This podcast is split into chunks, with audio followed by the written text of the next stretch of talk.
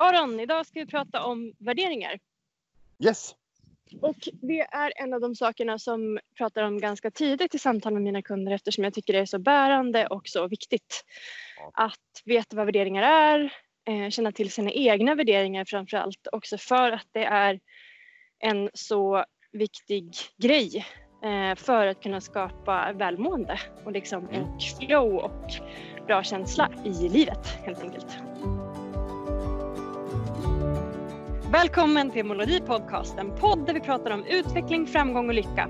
Formatet är en walk and talk med mig Moa Disborn som driver Molodi AB och Med mig Aron Disborn. jag som är min bror. Ja.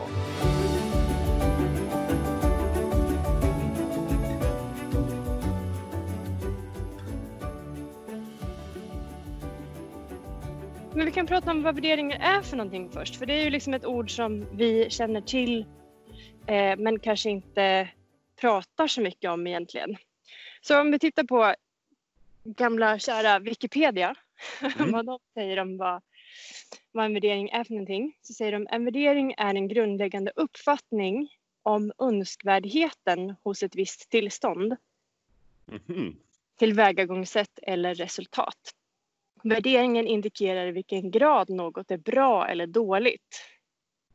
Det utvärderande elementet särskiljer värderingar från existentiella föreställningar som snarare handlar om sant och falskt. Men alltså att det är som en gradering, då, en grundläggande uppfattning om önskvärdheten hos ett visst tillstånd. Kan du ge något exempel? jag vet inte om det är en av mina starkaste, men det jag tänkte på nu, för jag satt och bläddrade tidningen här på morgonen. Eh, trovärdighet till exempel är en så grundvärdering som man kan ha. All right. Mm. Eh, och jag märker att det är viktigt för mig, kanske främst, du frågade så här, hur börjar man lägga märke till det, vilka värderingar man har och hur det fungerar. Ja. Eh, då läste jag en artikel om president Trump. Och där tycker jag att det skaver lite med trovärdigheten. Eftersom han häver ur sig det ena och det andra som inte är speciellt faktakollat. Jag kände mig Nej. lite lugnare med eh, president Obama. Till exempel. Yes. Det är en person som står för mer trovärdighet eh, hos mig. Mm. Eh, så att just det här att eh, grundläggande uppfattning om önskvärdheten hos ett visst tillstånd. Att jag gillar ju att känna, men den här personen är trovärdig. Ja. Det är en värdering. Eller, Just det, du menar att du, fick, att du fick syn på den då genom att, att det kändes olika med två olika personer som i, Ja. till, i olika grad stod för den värderingen. Ja, ja, precis. Mm. Okej. Och jag gillar att känna trovärdighet. Stråla Mm. ut en person. Så det är ju en värdering då. Ja. Mm. Men handlar det om, om just med värderingar då? Om, eh, om det man söker hos andra eller är det liksom en egenskap, en värdering man, man söker hos sig själv också? Är det någonting då också? Ja, men det är nog både och. Men jag tänker att jag kanske vill ha, jag kanske eftersöker andra värderingar hos min frisör eller hos min bankman. Ja, förmodligen. Jag tänker så här, min frisör, det stämmer säkert inte heller för alla, men jag vill gärna ha en frisör som så här, är innovativ och det kan ju vara skitdåligt i andras öron att ha en frisör som är innovativ. Bara, nej, nej, nej, jag vill ha samma hela tiden och jag vill veta Ja, kanske jag min, min värdering hos min frisör kanske är förutsägbar. Ja, precis. Ja, Ja, men exakt. Det kanske är en eftersträvansvärd värdering för, för dig hos din frisör. Men jag tycker om att gå till någon frisör som är innovativ och jag byter frisör när det blir för förutsägbart. Okej, ja. Eh, så. Då är jag med. Mm. Eh, Så man kan få syn på värderingarna genom att veta när det skaver lite grann. Jag tänker på det här med trovärdighetsdelen. precis. Så om vi har rätt ut vad det är för någonting så är det liksom ett önskvärt tillstånd. Ja. Men eh, och just som du säger att hur man får reda på det. Jag brukar använda den här omvända psykologin för att ta reda på om man liksom är en person som gärna liksom vill börja kartlägga Mm. Vad man har för värderingar och vad som är viktigt. Då kan man tänka på vad är det pissigaste som har hänt idag? Vad är det värsta som har hänt idag? Mm. Och om man lägger märke till då att kassörskan på min matvaruaffär var otrevlig mot mig Mm. när jag frågade om vart pastan fanns. Ja. och tyckte att det var det jobbigaste som hänt idag. Hon hade ingen anledning till det och går igång på det väldigt mycket. Då är det ju viktigt då det omvända mot att vara otrevlig. Ja. Att trevlig och service-minded ja. Okej. och ge bra kundvård. Liksom. Ja. Då är det viktiga värderingar för mig. Men man är vänlig mot varandra. Mm. Det kan vara en sån här, speciellt ju mer irriterad och upprörd jag blir, förmodligen ju viktigare är det för mig. Ja. För att för mig har det varit som en grundläggande oskriven regel människor emellan. Vi behöver inte känna varandra men vi är fasiken trevliga mot varandra. Det finns Ja. ingen anledning att vara otrevlig eller kanske ännu större anledning att vara trevlig mot dem vi inte ens känner. För att det är så vi gör. Mm. Det är då liksom en så här oskriven stark värdering hos mig som jag kanske inte har känt till. Nej. Precis. Så då kan vi känna tacksamhet mot den här kassörskan. Helt plötsligt. Absolut. För att hon hjälpte oss att få syn på hur viktigt det faktiskt var. Ja. Mm. Okej. Men och sen. med. Ja. Och när man har lyckats, när man vet vad värdering är, när man har lyckats eh, eh, ja, men utkristallisera en eller flera värderingar. Vad, på vilket sätt hjälper den framåt? Hur kan man använda det? Eh, för det första där tänker jag, för gärna så här värderingsdagbok om man ska försöka kartlägga det här lite grann på egen hand. Eh, att skriva ner flera sådana saker som är jobbiga eller trista eller sådär i relation till andra människor. Mm. Eh, och då kommer man se ett mönster utkristallisera sig. Det kanske är just det här vänligheten mot andra människor som återkommer. Det brukar vara några stycken som man har som favoriter. Mm. Eh, säg din fråga igen. Nu vill jag komma vidare. Nej, men om man har fått syn på vilka värderingar man har, säg att man har Mm. några stycken som är återkommande. Mm. Alltså genom att känna till det här, vad, hur kan det hjälpa en att, att eh, komma framåt eller komma vidare? Hur kan man använda men det till sin fördel? Jag använder det som liksom en eh, sitt personliga norr, att ha det som navigeringspunkt. Liksom. Ja, okej. Som en av mina viktigaste värderingar är frihet. Mm. Att ha frihet i mitt liv, i min, mina relationer. Eh, och det behöver, liksom, det behöver få plats för att jag ska må bra.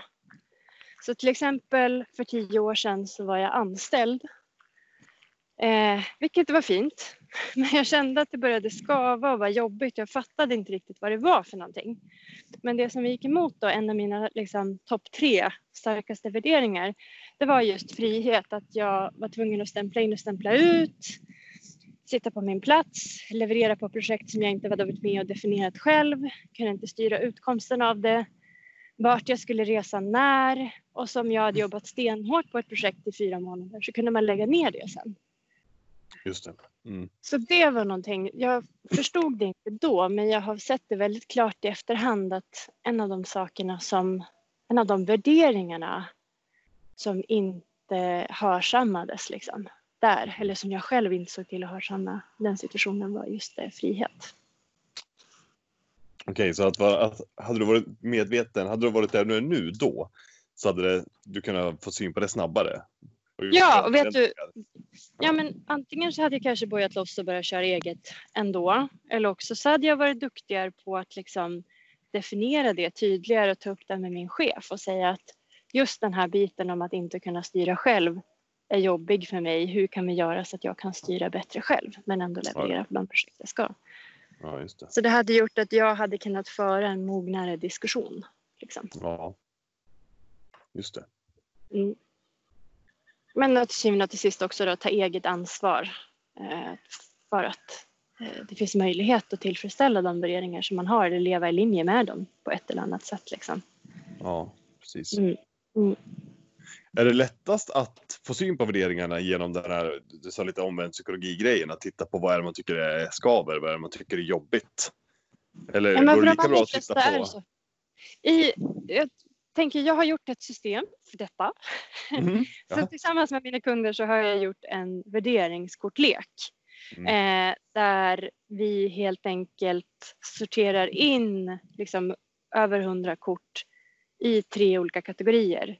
mycket viktigt i mitt liv, ibland viktigt i mitt liv, inte viktigt i mitt liv och liksom inte alls viktigt i mitt liv. Nu kommer jag inte ihåg exakt. Men det är tre styck, fyra stycken olika kategorier.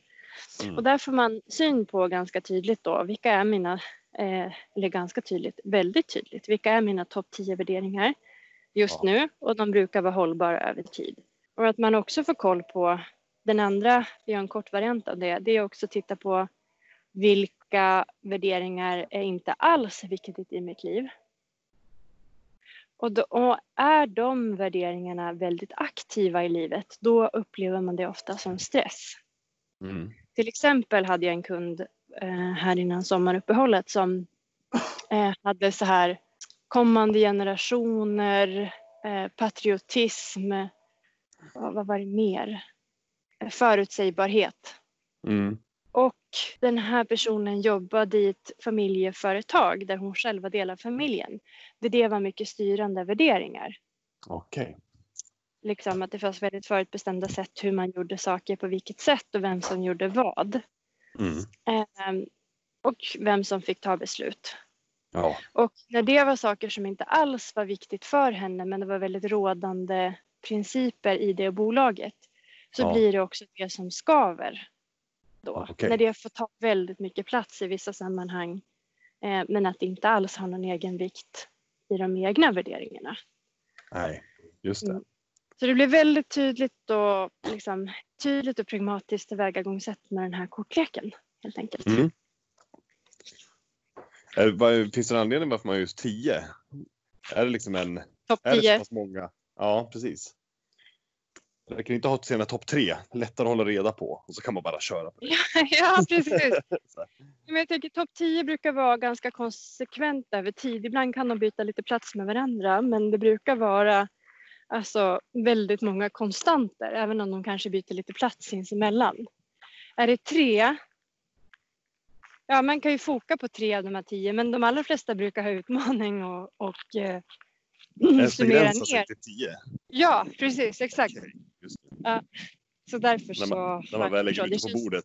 Så ja, blir det, det här och det här och det här. Ja, precis. Jag tror det känns som en omöjlig uppgift för många om man skulle säga du får välja tre av de här 120 korten.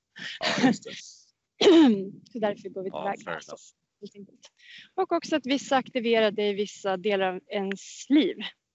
Kanske vissa värderingar som är väldigt framstående inom liksom familjen och umgänget man har medan andra är mer framstående inom arbetet och sådär. Ja, just det.